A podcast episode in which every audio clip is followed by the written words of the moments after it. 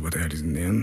Maksimum 10 dakika sürecek olan yeni podcast'imde beraberiz. Ben Maxon bugün yetersiz hissetmek, kusurlu hissetmek üzerine konuşacağız. Hayatımızın belirli dönemlerinde hatta daha çok bir şeyleri başarma evresinde geleceğimizi, istediklerimizi yapma konusunda emin adımlar atıp karar verme sürecinde zaman zaman böyle düşüşler yaşayabiliriz bir yola girmişizdir veya bu yolda belirli bir aşama kaydedeceğiz. Bizim için bir çıkış noktası olacaktır. Fakat hayatımızdaki o geçmişin verdiği yüklerle hissettiğimiz olumsuz duygular bir yandan basar bizi.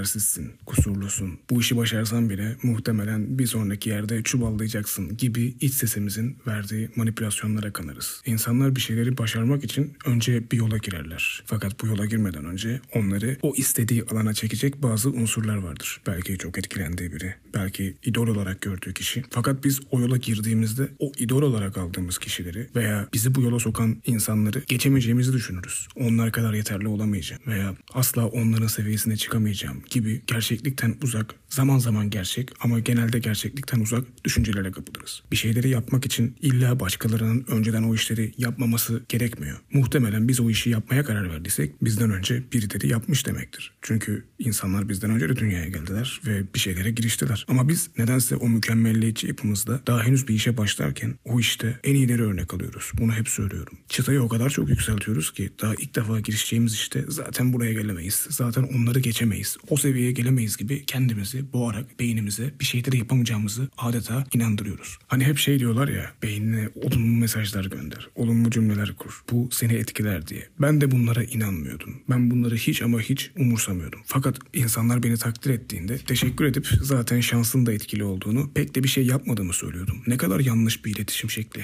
Neden böyle bir şey söylemişim ki? Yani düşününce kendimi bazen içinden çıkılmaz bir durumda buluyorum. Bir şeyi başardıysam eğer, ben onu yaptıysam neden şansın etkili olduğunu söyleyeyim ki? Evet başardım teşekkür ederim yorumlarınız için dediğimde çok mu egoist olurum? Ortada yaptığım bir şey varsa ve bu insanların görüş açısındaysa neden şanstan dolayı olduğunu söyleyeyim ki? İşte bak burada insanların başarsa bile bir şeyleri kendine inanmayışı bu kadar mütevazı olmasını sağlıyor. İşte bunun sonucunda dünyadaki insanlar, o dışarıdaki yamyamlar yani demek istediğim o mücadele ruhuyla kariyer inşa etmek isteyen insanlar seni yemeye çalışıyorlar. Çünkü sen çok pasif görünüyorsun bir şeyleri başarsan bile. Mental olarak iyi olmakla bir şeyleri başarma yeteneği ayrı şeyler. Çünkü seni ayakta tutacak şey belki yeteneklerindir. Ama o yeteneklerini yeri geldiğinde iyi kullanamadığında mental anlamda eğer düşük hissediyorsan ne yazık ki o zamana kadar getirdiğin o süreci de kaybedeceksin. Mental olarak baskı altında neler yapacağını kestirebilmen lazım. Çünkü bize güven veren insan profili odur. Baskı altında sakin kalıp olaylara gerektiğinde gerektiği gibi sonuç getirebilen insanlar. Ama biz daha durum başlarken kendimizi yetersiz hissederek bir şeyleri başaramadığımızda zaten olmayacaktı diyerek yelkenleri suya indiriyoruz. Neden böyle bir şey yapıyorsun? Bu hayatta ne yaptığın önemli değil. Şarkı söylüyor olabilirsin. Yemek yapabilirsin. Tiyatroya gidiyor olabilirsin. Buna başlama yaşın biraz geç olabilir. Zamanında bu işe girememiş olabilirsin. Fakat bu o işte aşama kaydetmeyeceğin, o işte gelişmeyeceğin anlamına gelmiyor. Bunlar başarı hikayeleri değil. Bunlar hayatın kendi içinde olan, kullanması gereken insanların kullandığı şeyleri hayatının bir yerine yayması. Dünya öyle büyük bir pazar ki herkes bir şeylerin kursuna gidebiliyor. Kariyer değiştiren insanlar var. 35 yaşından sonra, 40 yaşından sonra o zamanında çekingen davranıp kendini yetersiz, kusurlu gördüğü için girmediği bölüme 40 yaşından sonra girebiliyorlar. Çünkü neden? İnsan o içinde kalan şeyi unutmuyor. Gerçekten yapmak istediği şeyi unutmuyor. Ona ne engel olursa olsun o insan içindeki yapabilme isteği o kadar güçlü geliyor ki ben bu zamana kadar niye yapmamışım diyorsun. Bu cümleyi kurmuşsundur. Mutlaka hayatının bir yerinde neden böyle yapmadım? Neden bunu yapmadım? Neden zamanında yapmadım? İşte bunu dememek için bir şeylere girişmek gerekiyor. O alanda senden daha yeterli insanlar olacak. Senden daha yetenekli insanlar olacak. Bak mesela spor dünyası bunun için çok iyi bir örnek. Yeteneği çok iyi olup hayatındaki belirli aksaklıklardan dolayı kariyeri biten oyuncular var. Mesela Greg Oden, Shaquille O'Neal'dan sonra pota altını domine edebilecek fiziğe ve yeteneğe sahip muazzam bir oyuncuydu. Sakatlıklar kariyerini bitirdi. Onun arkasından seçilen Kevin Durant NBA'nin büyük bir yıldızı oldu. Birinci sırada Greg Oden seçilmişti. Yıl 2007 olması lazım. Bunun gibi birçok örnek var. Gene alanım olduğu için NBA'den örnek vermek istiyorum ama Derrick Rose diye bir gerçek var. Biz Derrick Rose'un ismini duyduğumuzda heyecanlanırdık. O Chicago Bulls forması bize Jordan'ı izleyemeyen insanlar için Jordan anımsatırdı. Ne kadar fizik yapıları bir olmasa da tarihin en genç MVP olmuş oyuncusu. Hayatını bitiren sakatlıklardı. Ben onun o sakatlık dönüşü yeni ayakkabısının tanıtımında ağlayarak gördüğümde demiştim kendi kendime. Galiba bir şekilde bazı şeyleri oturtamıyor ve yapamıyor. Bunun da etkisiyle kendi yaşadığı mental durum oynamasını engelliyor demiştim. Öyle de oldu. MVP olan birinci sırada seçilen bir adam bench'ten gelmeyi kabul etti ve ilginçtir onu takaslayan bir takımın maçında kendilerine 55 sayı attı ve bu kariyer rekoruydu. Her şey olduktan sonra gerçekleşti. Yani yapabilirsin. Bir şeyler yolunda gitmeyebilir. Bir şeyleri başaramayacak ölçüde fiziksel yapın o duruma elverişli olmayabilir. Ama kendi açından gelişirsin. Çünkü bizim yapımız bu şekilde ilerliyor. Şu an neye başlarsan başla. Şu an hangi işe girersen gir. Belirli bir disiplin gösterdiğinde o işte aşama kaydediyorsun. Önce bunu bir kavraman gerekiyor. Bu benim için çok sihirli mesela. Hep derim kendime.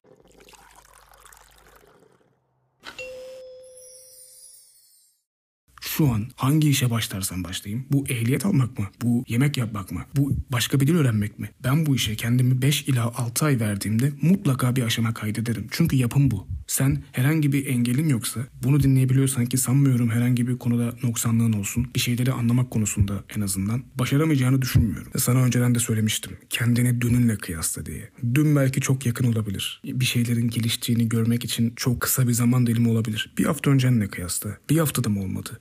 Kendinde bir gelişim göremedin mi? Bir ay önceki halinle kıyasla. Bir ay önceki halinle de mi kendine dair bir gelişme yok? O zaman 6 ay önceki halinle kıyasla. Ama bir yıl önce değil. O kadar da artık şey olur. Kolaya kaçmak olur. Çünkü bir şeyler yapmak için hep 6 aylık bir arayı beklersin ve bu hoş değil. Ben bunun özgürlüğüyle çok mutlu oluyorum mesela. Bir şeylere başladığım zaman belirli bir zaman ona kafamı verdiğimde gelişebileceğimi düşünmek beni çok etkiliyor. Kendim de yazılım işinde olduğum için buna biraz daha aşinayım. Yaklaşık 45 yaşında bir eczacı internetten aldığı kurslarla çok çok iyi olmamasına rağmen kendi stoğunu düzenleyecek bir program kodladı. Baktığında görsel tasarımı kötü olabilir. Baktığında çok eski yazılım teknolojilerini içeriyor olabilir ama bu adam bunu yaptı ve kullanıyor. Onun için mutluluk o. Onun için başarı o. Kimse sana Microsoft'a gir demiyor. Kimse sana Apple'da çalış demiyor. Ama yaptığın işte herhangi bir aşamada kendini yetersiz görüp, kusurlu görüp o işi yapmadığında sen o işi yapmamış oluyorsun. Veya belirli bir aşamaya kadar getirip o aşamadan sonra vazgeçtiğinde ne yazık ki verdiğin emekleri suya döküyorsun. Ben de yaptım. Kendim .NET yazarken bir şeyleri planladığım gibi ilerletemediğimi düşündüm ve daha çok tasarım tarafında ilerlemem gerektiğini düşündüğüm için .NET'i bıraktım. Ama başlayıp bırakma sürecim çok fazla olduğu için artık bir şeyleri yapılma şeklini anlamış durumdayım. Şu an tekrar bir projeye dahil olsam muhtemelen belirli bir aşama kaydederim ve zaten beklediğim de bu. Genelde bırakma sebeplerimden biri elimde herhangi bir kazanç elde edeceğim bir proje olmaması. Çünkü zaten hali hazırda bir işin varsa, para kazanıyorsan ekstra bir şey eklerken oradaki motivasyonun ya o işi sevmek oluyor ya da çok para kazanmak oluyor. Bu ikisi yoksa eğer olsa da olur olmasa da olur olursa benim durumuma düşüyorsun. Çünkü bizim dahil olacağımız proje iptal oldu ve ben ondan sonra daha çok kendi alanıma yöneldim. Ve bir şeyler yapılmaya başlandığında ilk başlarda sana gerçekleşmeyecek gibi gelebilir. Uğraşıyorum ama herhangi bir aşama kaydedemeyeceğim. Bu hiçbir şekilde ilerlemiyor. İşte böyle düşünmeye başladığında o demirin tavda dövülme anını düşün. Kılıç haline gelmesi için yanması, darbe alması gerekiyor. O süreç onu gerçekleştiriyor. İşte senin için de yaptığın şeyler konusunda sürece sadık kalman önemli. Süreç çok değerli. Senin sürekli sonuca odaklanman birazcık da toplumun bize dayatmasından kaynaklı. Çünkü biz sonuçta alınan kupayı görürüz. Sonuçta alınan madalyayı görürüz. Ama onun öncesinde elenmeyi, onun öncesinde başarısız olmayı hiçbir şekilde sürece dahil etmeyiz. Aslında süreç budur. Sana direkt versinler kupayı mesela. Herhangi bir iş yapalım seninle. Herhangi bir alana gir ve onun ödülü kupa olsun veya başka bir şey olsun. İlk müsabakanda al bunu. İyi bir motivasyon aracı olabilir mi? Bence olabilir. Ama devamında bir anlamı olması için zorluk çekmen gerekmiyor mu? Ben neler çektim ya da ben neliklerle bugünlere geldim cümlelerini kurmak bence daha anlamlı. Veya hangi alanda başarılı olan insanlar kendini başarılı görmek için zorluk çekmeden bir yere geldiği işleri ön plana çıkartıyor ki. O gün mesela bir YouTuber izliyorum. Ben bugünlere böyle mi geldim diyor. İçinden geçtim diyor. Neler çektim. Çektiğim videolarla, yaptığım montajlarla. Bak bu bir emek sürecidir. Belki sana sektörel anlamda çok da yeterli gelmiyor olabilir. Ama çağımızın durumu bu. İnsanlar video çekiyorlar, içerik üretiyorlar ve bunun sayesinde bir yerlere geliyorlar. Haliyle uzun süre bu işi yapıp sonunda bir ünlülük elde eden insan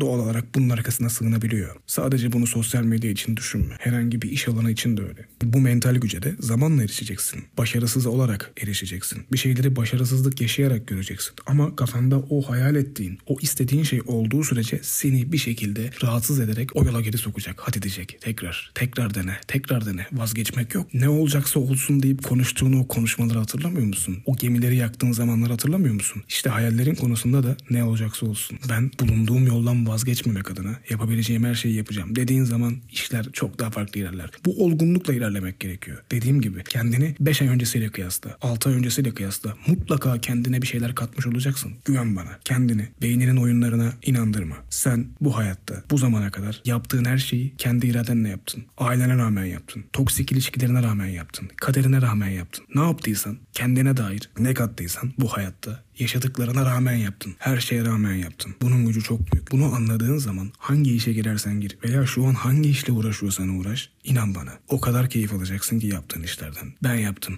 sen de yapabilirsin. Bugün de yetersiz hissetmek, kusurlu hissetmek üzerine kendimce bir şeylerden bahsettim. Umarım keyif almışsındır. Beni dinlediğin için teşekkür ederim. Kendine iyi bak.